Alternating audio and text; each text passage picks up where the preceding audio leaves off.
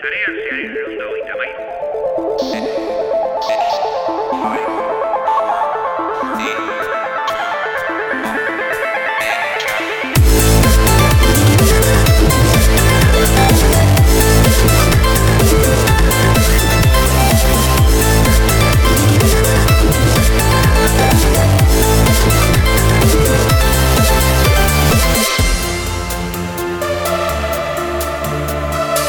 Azken urteetan egoitza elektroniko eta e, administrazioaren sistema digitaletara ohitu behar izan gara, e, batez ere azken e, boladan, adibidez, e, Bizkaian errenta itorpena ja e, digitalki egitea iar derrigorrezkoa dela, ez da legez derrigorrezkoa hori ezin delako egin, e, Bizkaiko foru aldundia, baina e, egia da gure erlazioa e, administrazioekin gero eta digitalogoa dela.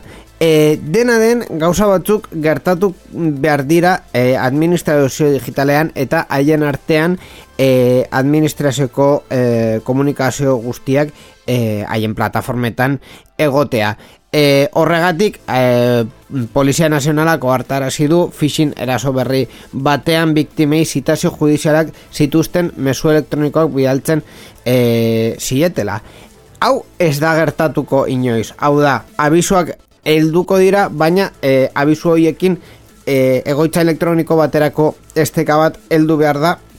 Esan ez, hor ikusi behar duzu, e, e, bueno, e, honen edukia eta dokumentu ofizial bat izan behar da, eta gainera e, legezko webgunea, segurtasunarekin, eta guztiok gutxo gara bera ezagutzen dugun webgunea e, izan behar da. Horrelako gauzak ba, normalean ez dira gertatzen, beraz, e, ba, bueno, e, horrelakoak e, eltzen badira, e, ez, ez, ez, ez, egin eser, hau ez, hauek ez direako e, legezkoak. Gainera, e, horrelako edukietan jartzen zuten, ba, bueno, e, pertsona agian gauza ez oso legalak egin zituela.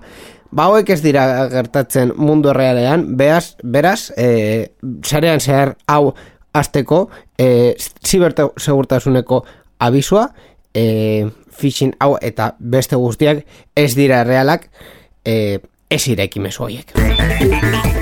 Irratsaio hau Creative Commons aitortu ez komertziala partekatu berdin lau puntu zero nazioarteko lizentziarekin banatzen da. Horrek esan nahi du gure edukiak nahi beste partekatu ditzazkezula. Informazio gehiago nahi baduzu josareanzear.eus webgunera.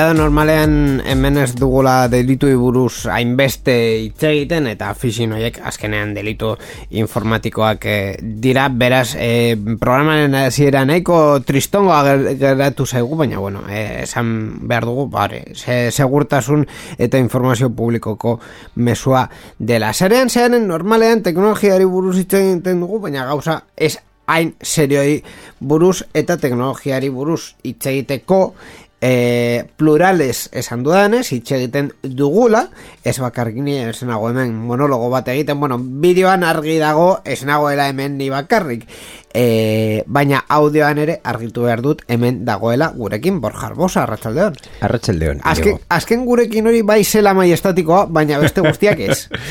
Ba, behitu pentsaen ari ari nintzen mm, sekzio bat egitea zu ja horretaz hitz egiteko gehiago, zibersekurtasunaren txokoa. Eta hor komentatu dezakegu iaia, eske mm, ez dakit zenbat denbora maiztasunekin komentatzen da berri bat edo bi edo hiru zibersekurtasunarekin eh, daukatena zerikusia. Eta bueno, eh, jendea uste dut pizk pizkanaka, pizkanaka, agian ez nahi mm, dugun maiztasunarekin baita ere, edo denborarekin, Bai. ba, pizkat ulertzen du, edo, edo eh, ikasten du, eh, barneratzen du barneratzen du segurtasun horrelako eh, mm, mezu gutun elektronikoak jasotzea zure akontuan, ba, link batekin doaztena, ja, uste dut, jende asko dakiela, nola, eh, normalean, lehenengo aldiz link horren klik egin zu, zutenean, bere ordenagailua, bum, egin zuelako, edo, edo bere ordenagailua, edo enkriptazioa, edo nahi duzuna, Hori ez da gertatzen, baina. Baina, bai, bai, hor- horrela egiten da, ez? La, la letra con sangre entra, ditzen dena Bai. e, gazteleraz. Bai, azkenean, Ba, jendea, eh, hau ulertzen du, non, noiz, pasatzen zaion Claro, momentuan. Claro, azkenean eh, arazoak dituztenean hor, eh, hor, momentu horretan ikasten dute ze egin duten txarto eta nola konpondu daiteken. E, bueno, baina eh, dena den hori eh, ikastea edo gire azkenean denbora behar duen prozesua, prozesua da. Dena den, bersekurtasunen txoko egitea ez da ideia txarra, baina uste dut zutabiok mm, gehiegi hitz egiten dugula programa honetan, agian e, segurtasunei buruz zertxo bat gehiago dakien pertsonen bat programa hau entzuten badabil, e, idatzi dezake gure gure emailera infoabildua zarean zehar.eus esan ez, oie, ni ziberta- segurtasunei buruz badakit. Ez daki zer egin dut e, zurekin e, ataltxo bat edo kolaborazio bat egin nahi dut Edo elkarrizketa bat. Edo Zenbat, zenbat bat. denbora doan ez, ez dugula egiten norbaitekin elkarrizketa bat. Hori- Pandemiarekin hori ja Bai. puskatu da guztiz. Bai, e, zarean zehar egia da gero eta e, programa Itxiagoa... Bai, bai. Ez que itxi, itxiago ez da itxa Osea, egiten dugu eh, programa eficiente. Hau da, beste pertsona batekin geratzea Ja es una movida. Así que, eficiente, ¿vale? Zutabiak eta listo. Eh, Gainera, es que eh, Ezin dugu mm, eh, Eficiente eh, Efizientziarik gehiago jarri Honetan, eh, arratsalde berean Grabetzen dugulako ere, enredeandoko berriak. Así que, en fin Hau ja ezin da gehiago kompaktatu E, dena den berriei buruz hitz egitera goaz, uste dut momentu ona delako, eta hasiko gara e, El Gato de Turing podcastean esaten duten bezala, e, vamos a hablar de Tito Elon. Bai, Tito Zer Elon. gertatu da Tito Elonekin? Ba, beitu, Tito Elon, ba, batez ere esan du, beitu zek gauza komentatzen ditugu, Elon Musk esaten dituen gauzak, baina Bai. bueno, lehenik eta behin, kontatuko dugu. Elon Musk, mm, guztiok ezagutzen dugun, Tesla, SpaceX, bestelako proiektuak, The Boring Company, nahi duzun gauza, PayPal ere montatu zuen hain dela pilo bat urte, Bai. e, ba, Twitterren kontra e, egin du bere moderazio neurriengatik eta adierazi du benetan pentsatzen, hau ko- kakotxon artean jarrita, Bai. benetan pentsatzen, ari dela, adierazpen askatasuna errespetatuko duen gizarte baliabideen plataforma berri bat sortzea. Oda, sare sozial Ah, bat. sare sozial bat. Edo, eh, bueno, vale, eh, hori eh, martxoaren hogeita bostean gertatu zen, Elon Musk inkesta bat egin zien bere jarraitzaile, eta gogorasi zien adierazpen askatasuna funtsezkoa dela, funtzionatzen duen demokrazia baterako, eta galdetu zuenea, uste zuten Twitter zorrotz atxikitzen zitzaiola printzipio horri. Uh, a ber, e, jendeari horrelako kontuak galdetzea inkesta batean bai edo ez jartzeko uh, oso arriskutsua da batez ere e, adierazpen askatasunaren kontzeptua um, mm, zalantzan jarri daitekelako hau da e, e, balorazio horren parte bat da pertsonaren balore eta printzipioak eta bakoitza bere balore eta printzipioak dau- dauka. E, horretaz aparte mm, en fin e, adierazpen askatasuna funtsezkoa da depende zer esaten dugun. Klara, adierazpen askatasuna orokorrean bai. E, baina gero edukiari buruz hitzein beharko genuke. Eta e, Donald Trumpekin gertatu zen bezala ezin da edozein gauza esan Kom komentatuko dugu baita ere mm, gertatu diren eh, alternatibak edo lehenik esan duzun bezala Donald Trump izan zen lehenengo pertsona edo mm, pertsona famatua Bai. beren tuiteko akontua pim pam pum eta agur esan zuena Itzi- Twitter itz- itzi- itzi- kantzelatu kendu eta Bai. eta ez, ez gehiago eta beren eh, ba, erantzuna izan dela bakarra Hau da, e, ez, ez dut gogoratzen beste kasurik non e, Twitter... Famatua gutxienez. Famatua, ez. E, Seguru, seguruenik pertsona askori mm, baneatu edo kantzelatu edo kendu dietela kontua. Bai, baina, baina publiko, Twitter- pertsona, baina Twitter publikoak esan, esan zuen gainera Donald Trump ez zuela Twitterrera bueltatuko Osea, zu normalean horrelako eh, arauak eh, Bizitza osorako. hausten dituzuenean vitalizio. E, Twitter esaten dizu eduki hau ezabatu eta kontua berriz emango dizugu Bai, edo hiru hilabete, sei de- hilabete, Donald, urte Donald bat. Trumpen kasuan esaten, esan zuten ez ez inoiz Nunca, jamás en la vida Eta zer egin zuen? bere sare soziala em, montatu. Hori da- gainera, gainera, hori bat, bai. oso, oso kurioso izan zen bere sare soziala montatu zuela moderaziorik gabe eta mm, hogeita lau ordutan moderazioa jarri behar izan zuen beste gauza oso ilegalak gertatzen ari zir, zirelako hor. Claro, eh, adierazpen askatasuna da, az, da eh, askatasun hori guztientzako. Bai. Hau da, bai, zure ideia politikoak eh, em, nahi badituzu, edo eh, kontu ilegalak egin nahi badituzu. Edo mm, sustatu nahi badituzu, edo edatu nahi badituzu mm, pornografiari buruz. Osa, pro, eh, A ber, mm, pornografiari adierazpen askatasuna subjetiboa da. Orduan, Claro. aldatu nahi duena, sujetoa aldatu nahi du. Kontrolatzen duen sujeto hori hain zuzen ere. Claro. Orduan, ez da eh, adierazun, adierazpen askatasuna absolutu batean bizi nahi gara. Bakarrik adierazpen eh, askatasun bai, relatiboa, baina nor jartzen dio, nor da epaia. Claro. Orduan, niri epai hau esai gustatzen. Jarriko du beste bat. Beti egongo da bat. Claro. E, gainera beti egon behar delako bat e, mm, kasu batzutan e, Sozietatean ez No, eta gainera bizi. Claro, eta eta gainera kontu batzuen erantzukizuna sare sozialena dena. Hau da, e, zu umezko pornografia jartzen baduzu sare sozial batean, e, dicho coloquialmente, van palante, bai sare soziala, bai e, mm, edatzailea. Sare soziala ere edatzaile bat delako. Orduan, e, Hori hor- da beste gakoa, Claro, bai. horretan moderazio sistemak egon behar dira. Polizia bihurtu behar zara. Claro, hor- hori da eh, Twitter, Facebook eta Instagram, TikTok, hau guztiek izan duten arazoa. Bueno, TikTori bost, mm, bost, bosta sola zaio Bai, egiten momentuz dena bere, bere sare sozialean, eh, gainera ez duelako mm, eh, Europako mm, Legezko araudia... Le, legeak ez jarraitzen ez da erantzukizunik hartzen. Hau da, e, Europako epaiei ez diote erantzuten.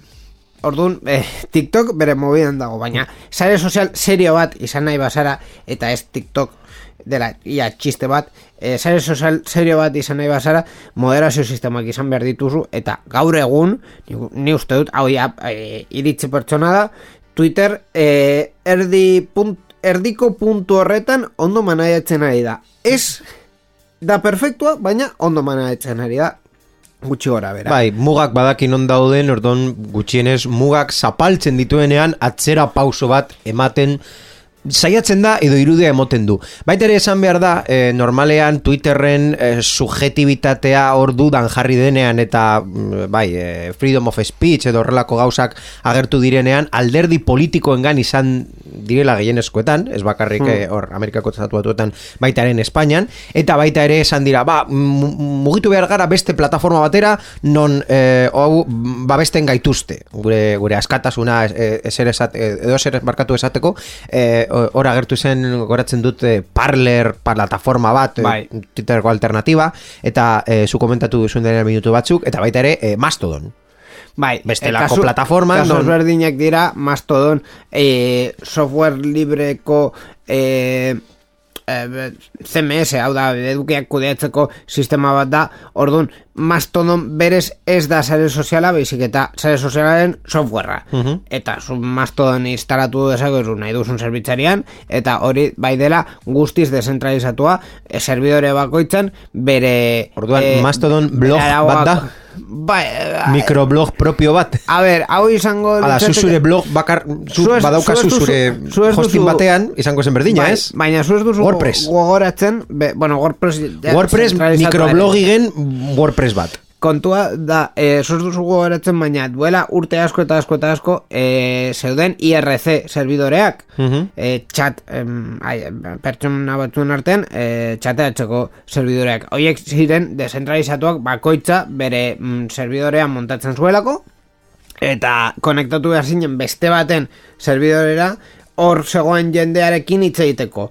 Ba, horre, bueno, e, e, Discord bezala, baina, claro, bere, bakoitza bere, bere servidore fisikoan. Ba, hori gutxi gara era da Mastodonen kontua. Orduan, Mastodon da bakarrik mm, e, softwarea. Ez da zerbitzua, eh? Haiek, ez, haiek ematen dute zerbitzua haien zerbitzarian, baina zu, zure kontutik beste zerbitzari bat montatu dezakezu zure arauaekin. Parler izan zen, ba, Twitterreko eh, kopia bat, eta jazta. Eh, Bueno. hau da, Twitterreko sistema berekin. Ba, historio hau den- gustatu basaizue, Dena den, claro Gelditu, hemen, Elon- geratu Elon hemen. Elon Musk hitz egiten duenean bukaera ik- ikusteko. Elon Musk hitz egiten duenean pentsatu behar, behar dugu Ogia igotzen da, gaztelera esaten claro. den bezala. Hor- Eta hor- hori hor- da, horra- nahi zuena. hor- Horrera, horrera goaz. Hau da, Elon Musk hitz egiten duenean, bera badaki ze gertatuko den. Hau da, kasu honetan, e, bera esaten du Twitter ez dela adierazpen askatasunaren alde, ez dagoela az- adierazpen askatasunaren alde, e, eta momentu horretan Twitterreko akzioak geizten dute. Mhm. E, duela gutxi jakin, Hurrengo berria. jakin dugu Elon Musk Twitterren botere gehien duen pertsona dela e, Twitterreko akzioen euneko bederatzi komabia erosi duelako 2000 milioi dolarren truke. ia, ia, iru milio milioi. Bi mila sortzireun da laro mar, milioi. E, hau jakin dugu estatu batuetako burtse eta balore batzordean erregistratu denez. Bai. E, hau gertatu zen tweet hau jarri eta egun gutxira. Hau da, ja, tweet honen e, burtsako erreakzioak gertatu zirenean. Orduan, e, hori izan da, hori izan da kontu guztia. Bai. Kontu guztia hemen kontatu dugu eta ja urrengo egunean ja gerukagun ja be- berria sare sozial berria montatuko du Elon Musk eta ta, ta, ta, eta mm, bapatean Twitter erosi du. Ah. Or, Ka- orduan claro, hau Twitter- zertara. Ah, bai, Twitterren- Twitter merke erosteko Claro, claro, hori da. Twitterren akzioak geisteko, merke erosializateko, eta e, ziurrenik e, hemendik egun gutxitara akzio horiek salduko ditu. Edo akzio horien parte bat. Zergatik, e, haien, ar- bueno, lehenik eta behin, e, akzioen nagusia sortu, e, e, bilakatu delako, e, en fin, mm, beste talde batzuk daude, adibidez Vanguard taldea edo Morgan Stanley enpresak, e, hauek daukate sortzi koma saspi, baino pizkat gehiago, bakarrik pizkat gehiago, orduan, Twitter gaur egun e, bere akziodunen artean oso sakabanuta, oso satituta dago. Eta e, presidentea eta kontseilu batzordea, orokorrean, e, mm, gazteran esaten be- den bezala, son personas de consenso. Hau da, akzio dun guztien artean, boskatu dute, hoiek hor e, egoteko. E, claro, Elon Musk bere mm, fam, bere ospearekin eta bere reputazioarekin egin du Twitterreko akzioak e, uneko goita bosta baino gehiago igotzea albistea ezagutu ondoren. Orduan ja, bideo honetan doa. Hau da, bere izena jarri dio Twitterri, Twitterren akzioak igotzeko. Gazteleraz esan den bezala lo ha vuelto a hacer. Elon Musk berriro ere Bai. egin du.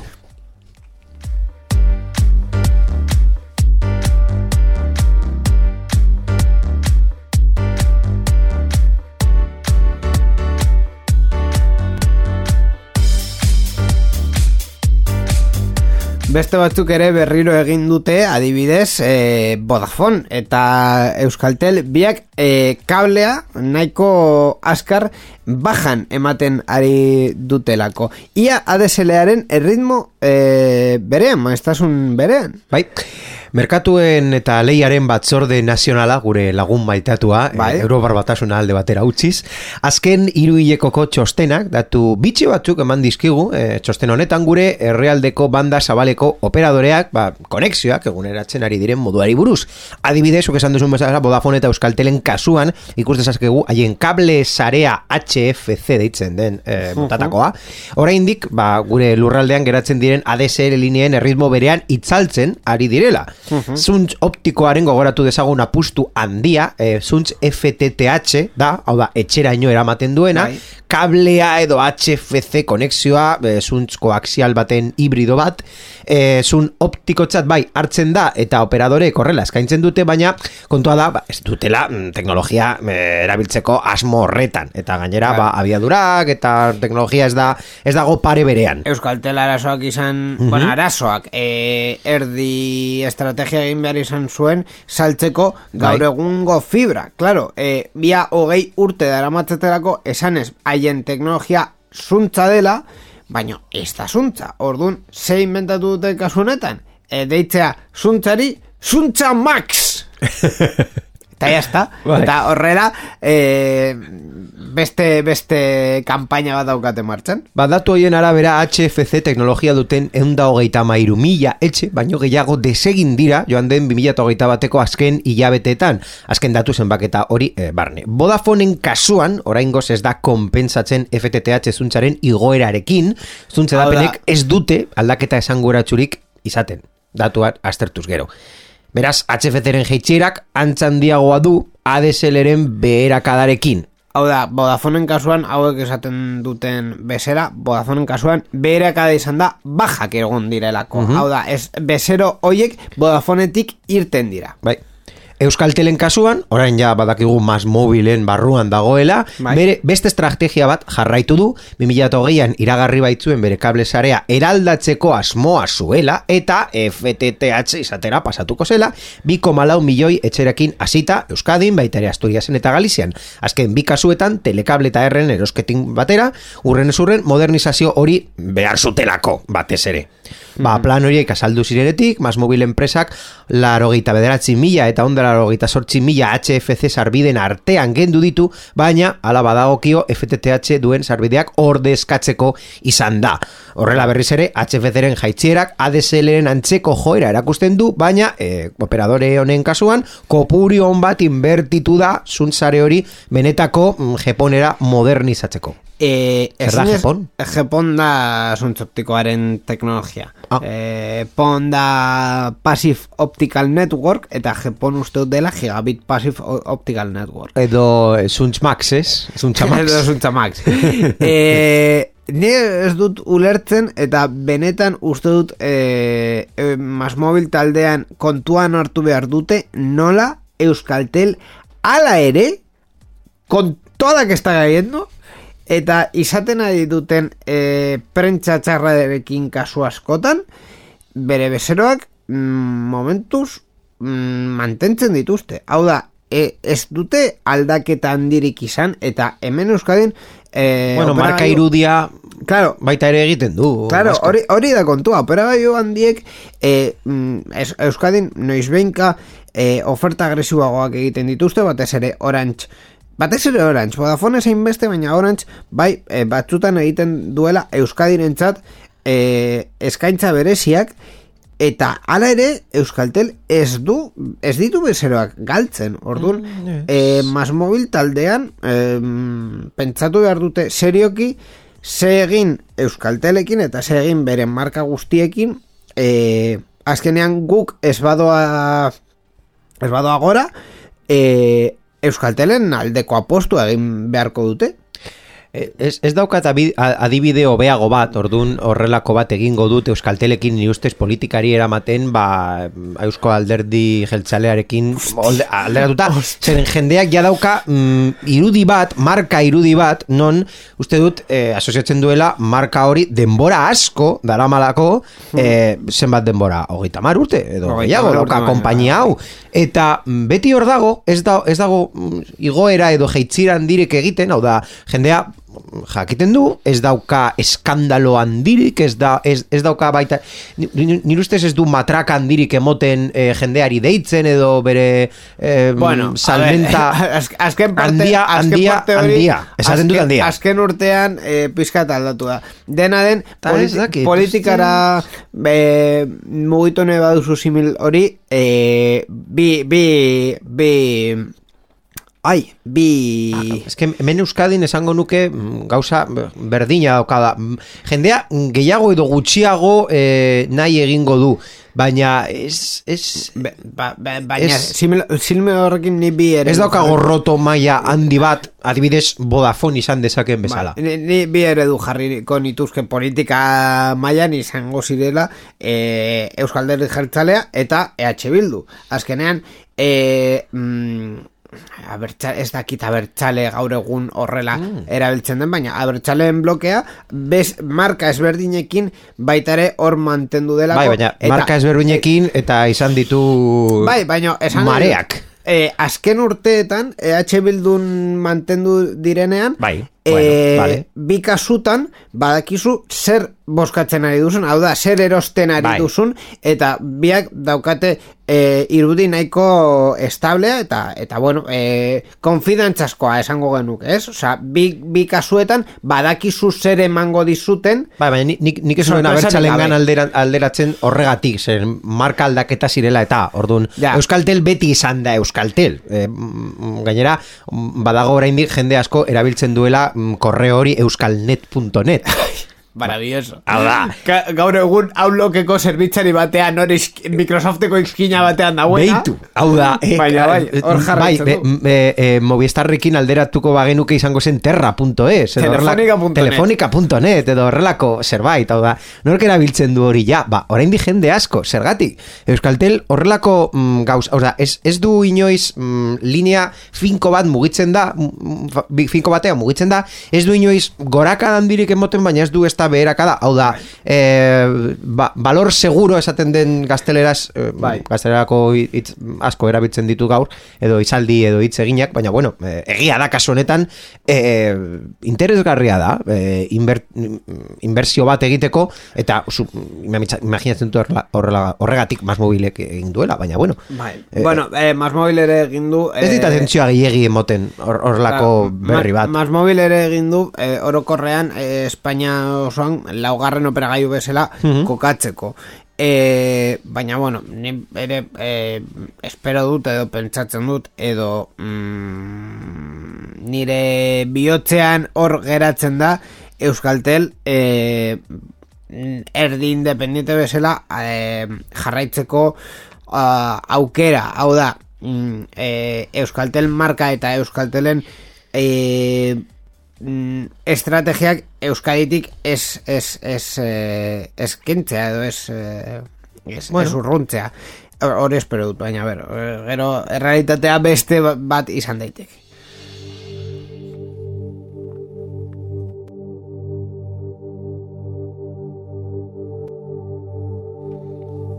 Bueno, atxerrira atxerrira eh, atxerrira ikus ik, oi, ai ama, trabatu naizea atxerrira ikusiko ikusten jarriko gara eh, eiruari buruz eh, hitz egiteko. Mm, eh, Euskaltel bada eh, balore segurua eh, gaur egun eiru ez da. Ez, ez, ez, ez, ez. da. E, 2008an e, bertan bera utzi zuten e, 2008 batean e, er, ekitaldi digitala horrelako kakotxen artean egin zuten eta e, 2008an esan dute bueno, e, aurten a, a, no toca Bai, ba, eirua ez baduzu ezagutzen bideojoko industriako ekitaldi garrantzitsuenetako bat da. E, duela urte, e, gutxi arte bideojokoen munduko konferentzia handi eta garrantzitsunaren ba, izenburua, hau. E, ba, 2008an bertan bera geratu da. Eirua ez da aurten geratuko, Ez, aurrez aurrez modu virtualean. Antolatzaileek hori bai, hitzeman dute 2023an hitzaldia itzuliko dela. Hau da, ez da bukatuko hemen, baizik eta mm, gap year edo eh, deskanso bat eh, hartuko dutela. Egia ez hori ja ikusiko dugu.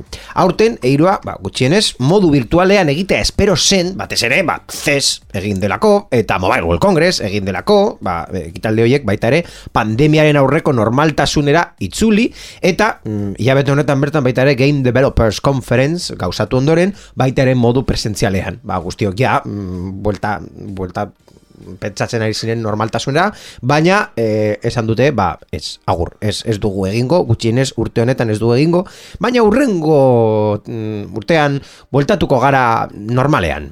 Eta inigo uste du zer bait daukala erantzuteko.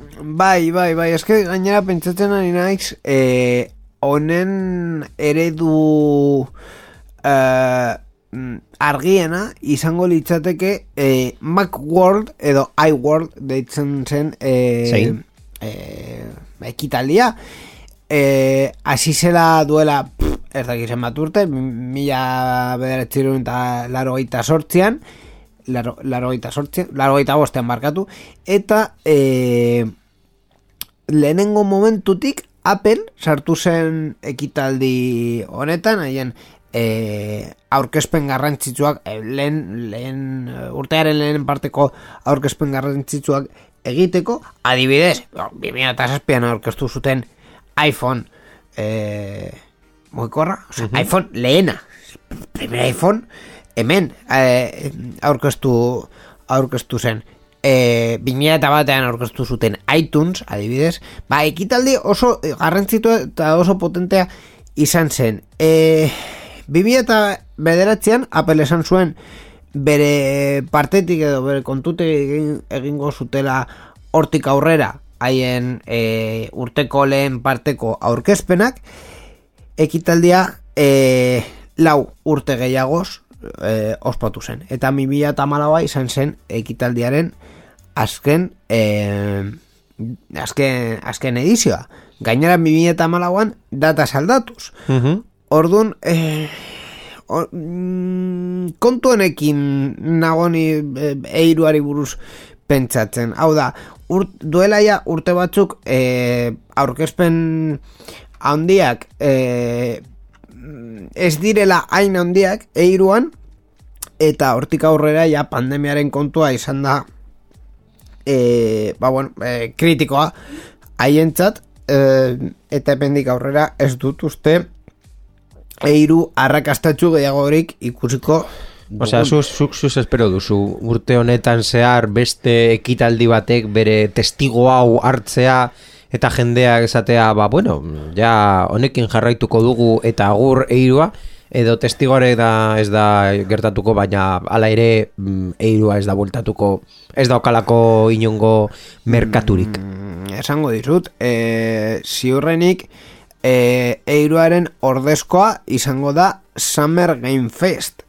E, beste, beste talde batek e, antolatzen duen ekitaldi bat dela, gutxi gora bera, data berdinetan, eta e, industriaren nagusien e, laguntza duena. Orduan, ziurrenik, e, eiruan gertatu behar ziren aurkezpenak, Summer Game Fest honetan ikusiko e, ditugu, eta e, ondo egiten badute, edo e, arrakasta badaukate, ikusiko dugu, nola urrengo urtean, e, enpresandiek joango direla Summer Game Fest honetara.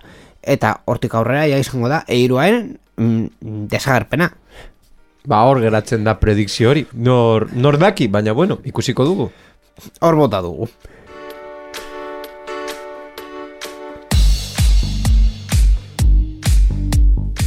Hardware buruz eh, pizkat itxengo dugu eh, Apple bezala, Samsung ere Intel, edo, oi, zer esan Ez, nik? Intel ez, Samsung bai. Sams- Samsung Samsungek mugikorra zuk konpontzea nahi duela eh, iragarri duelako. Bai, e, gogoratzen badugu, orain dela, ez dakit zenbat programa, komentatu dugu berri bat, non e, e, e, konpontzeko eskubidea lehenik eta behin onartu dela proiektuetan, legezko proiektuetan, Europar batasuna eta ja horrelako proiektuak daudela Bai. hortik, eh, batez ere Europako mailan eh, Mhm. eskubide hori ofizialki Bai. eh, balegeetan jarriko dela. Orduan, Bai. hortik aurrera ikusi genuen duela gutxi gainera, Mhm. em, Apple eh, hasi zela programa bat non em, nahiko erraz eskuratu eh, eskuratu dezakegu eh, eskuliburuak eta eh, parteak. Bai, piezak konponketa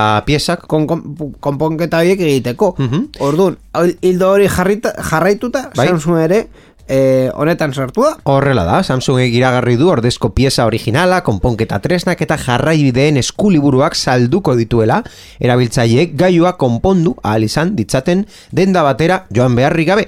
Konpainiak konpontzeko eskubidearen aldeko mugimendua, Appleek self-repair zerbitzu berria iragarri ondoren etorri da, eta baitare Microsoftek antzeko proposamena egin du Surface gaioentzat. Samsungek konpoketa programa berria iFixitekin egindako elkarti bate, bati esker bizi da, konpainia hori aitzindaria da erabiltzaile konponketa mugimenduak egiten. Galaxy S20 eta Galaxy S20 bat telefono adimenduen familia eta ga- Galaxy Tab S6 Plus tableta izango dira konponketa programaren onurak jasoko dituzten lehen gailuak, baina bitxabadare Galaxy S20 bi seria oraindik ez dute sartuko. Hau da, beta testing nahi baduzu edo lehenengo frogak egingo dituzte modelo hauekin. Modelo hauek badauzkazue, ba, badakizue ja egin duzutera.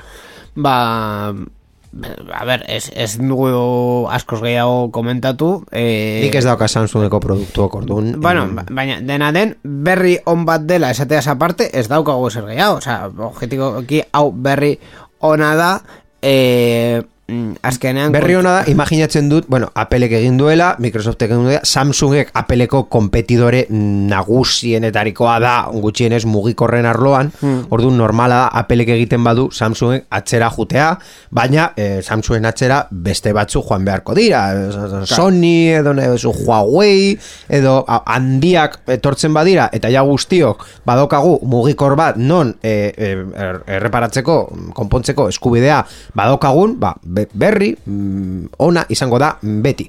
Naiz eta eh, legea oraindik eh, itxaroten ari garena, baina bueno, pizkanaka, pizkanaka. Baina, azkenean, e, Europar batasuna, beti bezala, e, teknologiaren kontuetan, e, eta argi esango dut teknologiaren kontuetan, porque estamos en una movida geopolítica que lo Bai. flipas, e, beti bezala, e, kontu Bidea erakusten du.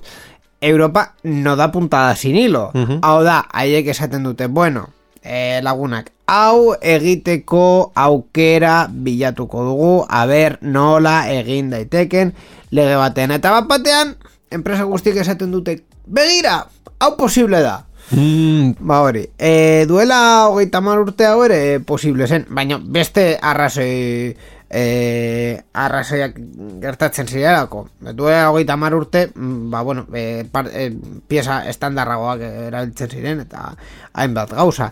Baina bueno, e, Europa bidea erakusten du, ez? bai, gure superheroia beti etortzen da eh, al rescate. Rescate, efectivamente. Berri askarrak, sarean zehar.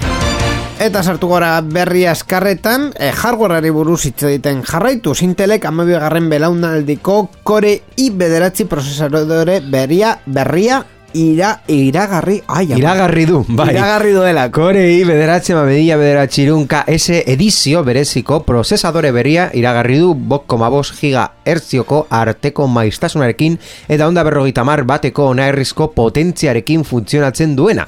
Prozesadore hau maigaineko ekipotarako diseinatu da eta Interthermal Velocity Boost teknologia du, esan dugun bezala bos koma bos giga arteko turbo frekuentzia maksimoa lortzeko adibi ahalbidetzen diona. Amasei nukleo, sortzi errendimendu handikoak eta sortzi eraginkortasunekoak, eta hogeita lauari ditu, eunda berrogeita mar bateko oinarrizko potentzia, eta hogeita mar megabyte katxe Intel Smart katxe teknologiarekin. Hombre, a ber, mm, hogei txigor gaiurako eunta berrogeita mar batio ondo dau, baina beste gauza batzuetarako ez dakit nahikoa izango den, ez dut argi ez dut argi ikusten. E, txistea ondo geratuko litzateke orain rematea sartzen bada, baina ez da sartuko, orduan Ai. txistea oso gaizki geratu da. A ber, berri hau espada e, titulol ez dakit zergatik. Influencerren euneko irurogeita sortzia nahiago du Twitterren kirol Twitch, tradizionalak... Twitch, Twitch, Twitch. Ah, barkatu, Twitch, Twitch. ez Twitterren.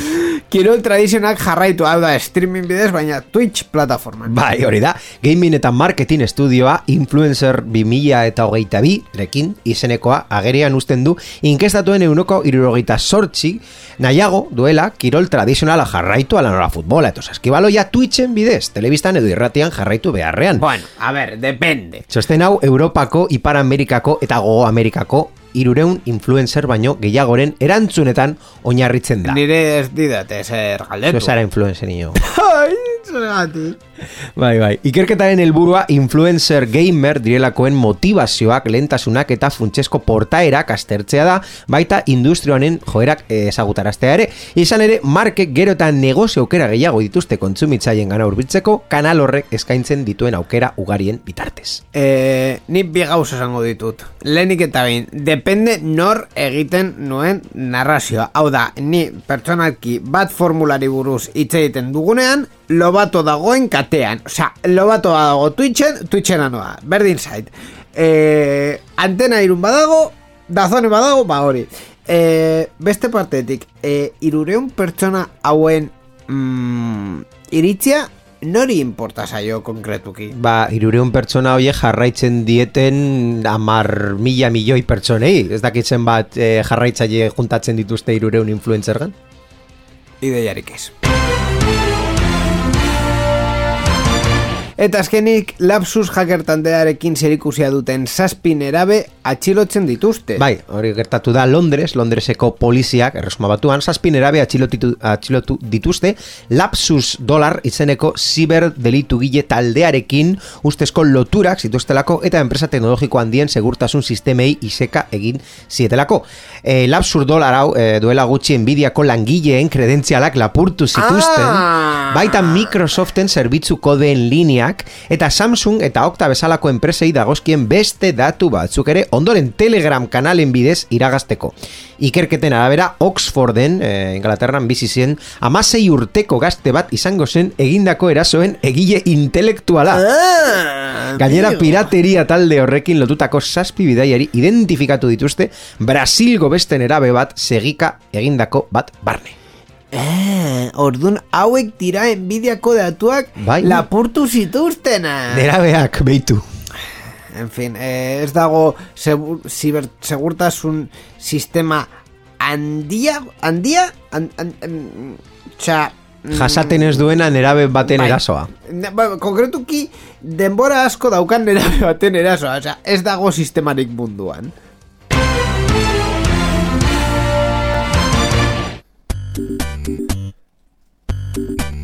Titulol. Bueno, tituton... lo- Ai, ai, ama. Gaur, Esate, esaten zenuen hori baino hobeto eh, zen titulol bat eh, zergatik ez zegoela hor. Bai, bai, bai, bai, bai. Barruan. eh, eh, Beitu ze espero dezakezun. Bai, osea, komentatu dugu hau influencerren kontu hau ez dela titulola, titulola hau baino eh, gehiago izan behar delako, osea, ar, arridura handiago sortu behar dit titulola hau. Gertatu zaizu inigo bat, mm, ba- batean Gauza bat eh, gertatu. hegaldi bat eh, hartzerakoan zure maleta galdu dituztela. Galdu Noizbait? ez, galdu ez, baina eh, barrion, barruan zeuden gauzak eh, Puskatu? puskatu, bai. Ba, mm, ni ustez eh, hegaldia gartzen dituen pertsona baten eh, miedo edo mm, hor daukan eh, paniko handiena mm, maletak galtzen dituztela da. Eta eh, hegaldi batean maletan galdu dituen pertsona taldekoa mm, zuek basarete, inigoren kasua ez da, baina bueno, nire kasua ez da ere, baina bueno, badakizu inori opa ez diozun egoera dela. Eh, gutxi, gutxartzen dugu egazkina, por lo que sea. Bueno, ba, berdin dio gertatzen zaizunean oporretan itzuleran urrengo egunen e, asteetan ba, estresaren pean biziko zara haiekin topo egiten saiatuz. Eta pertsona hau nandan kumar baita ere gauza bera gertatzen ziza, gertatu zitzaion, baina beste zerbait egitea erabaki zuen. Izan ere, kumarrek hogeita sortzi urteko software ingeniaria aerolinearen harremanetan jarri beharrean, Aha. galdutako maleta aurkizi, esaioten... Barkatu. Airtag bat jarri zion. Ez, konpainiaren webunean sartu eta jakeatu zuen. Di- Dirudienez eta BBC dioen bezala, gizonak low cost indigo egazkinarekin egan egin zuen eta beste bidaiari batek aeroportu zintan bere maleta ustekabean hartu zuela. Erabaki zuen berdin berdina zen beste maleta bat zegoelako. Ostras, eske oso ona da esatea begira. E, patan hauen webgunea puskatuko dut nire maleta galdu dutelako. e, dena den e, nire politika izango litzateke hemendik aurrera airtag bat jartzea gainera dagoelako YouTubeen tipo bat e, bere kanala dela Megalag egin zuela e, esperimentu bat airtag batzuekin eta haien artean Ah, bueno, ez dugu komentatu, baina Google uste dute kompatibleak ja egiten dituztela horrelako AirTag edo Ah, NFC tag horretan bere Android eh, softwareekin. ba, e, e, tipo honek, megalag honek egin zuen froga e, mm, Ipar Koreara bidaliz Oh. airtag bat esan, bueno, e, ni mm, Alemanian bizi naiz Alemaniako e, embajadara bidaltzen badiot Ipar Korean dagoen embajadara bidaltzen badiot airtag bat, ba, suposatzen da ez dela eser gertatuko, voltatuko didate edo ez didate voltatuko eta jazta, froga egin zuen Applekoekin e, Teslakoekin eta eta e, Ipar Korearekin. Hiru aldiz bidali zuen airtag bat e, Ipar Korea da eta hiru kasuetan DHL bere e, airtag horiek bere pakete horiek utzi zituen edo Düsseldorfen e, hor e, biltegi batean edo bestela Txinara bidali zioten gero Txinatik Ego Koreara, Ego Koreatik bueltan, eta bueltan ja, bere etxera zen, es, eske ja, es, es, es, ezin dugu. Ezin dugu hau bidali, osea, eski Ipar Koreara ez ditugu bidalketak egiten. Eta, wow. esperimentu interesgarria izan zen, osea, bideoak ikusi nahi badituze, ingeles ez daude, baina nahiko bideo interesgarriak eta eta kuriosoak mm, dira. Entzun berri duzunari buruz hitz egin nahi? Zure iritzia jakin nahi dugu, idatzi ezaguzu Twitterren gure erabiltzailea, sarean zehar da. Gure Twitcheko emanaldietan ere parte hartu eta zure iritzia eman dezakezu programa egiten dugun bitartean. twitch.tv barra sarean zehar. Gainera, zure ekitaldiaren edo ideiaren berri eman nahi baduzu, posta elektronikora idatz diezagukezu info abildua sarean zehar puntu eus. Sarean zehar, zure mezuen zain.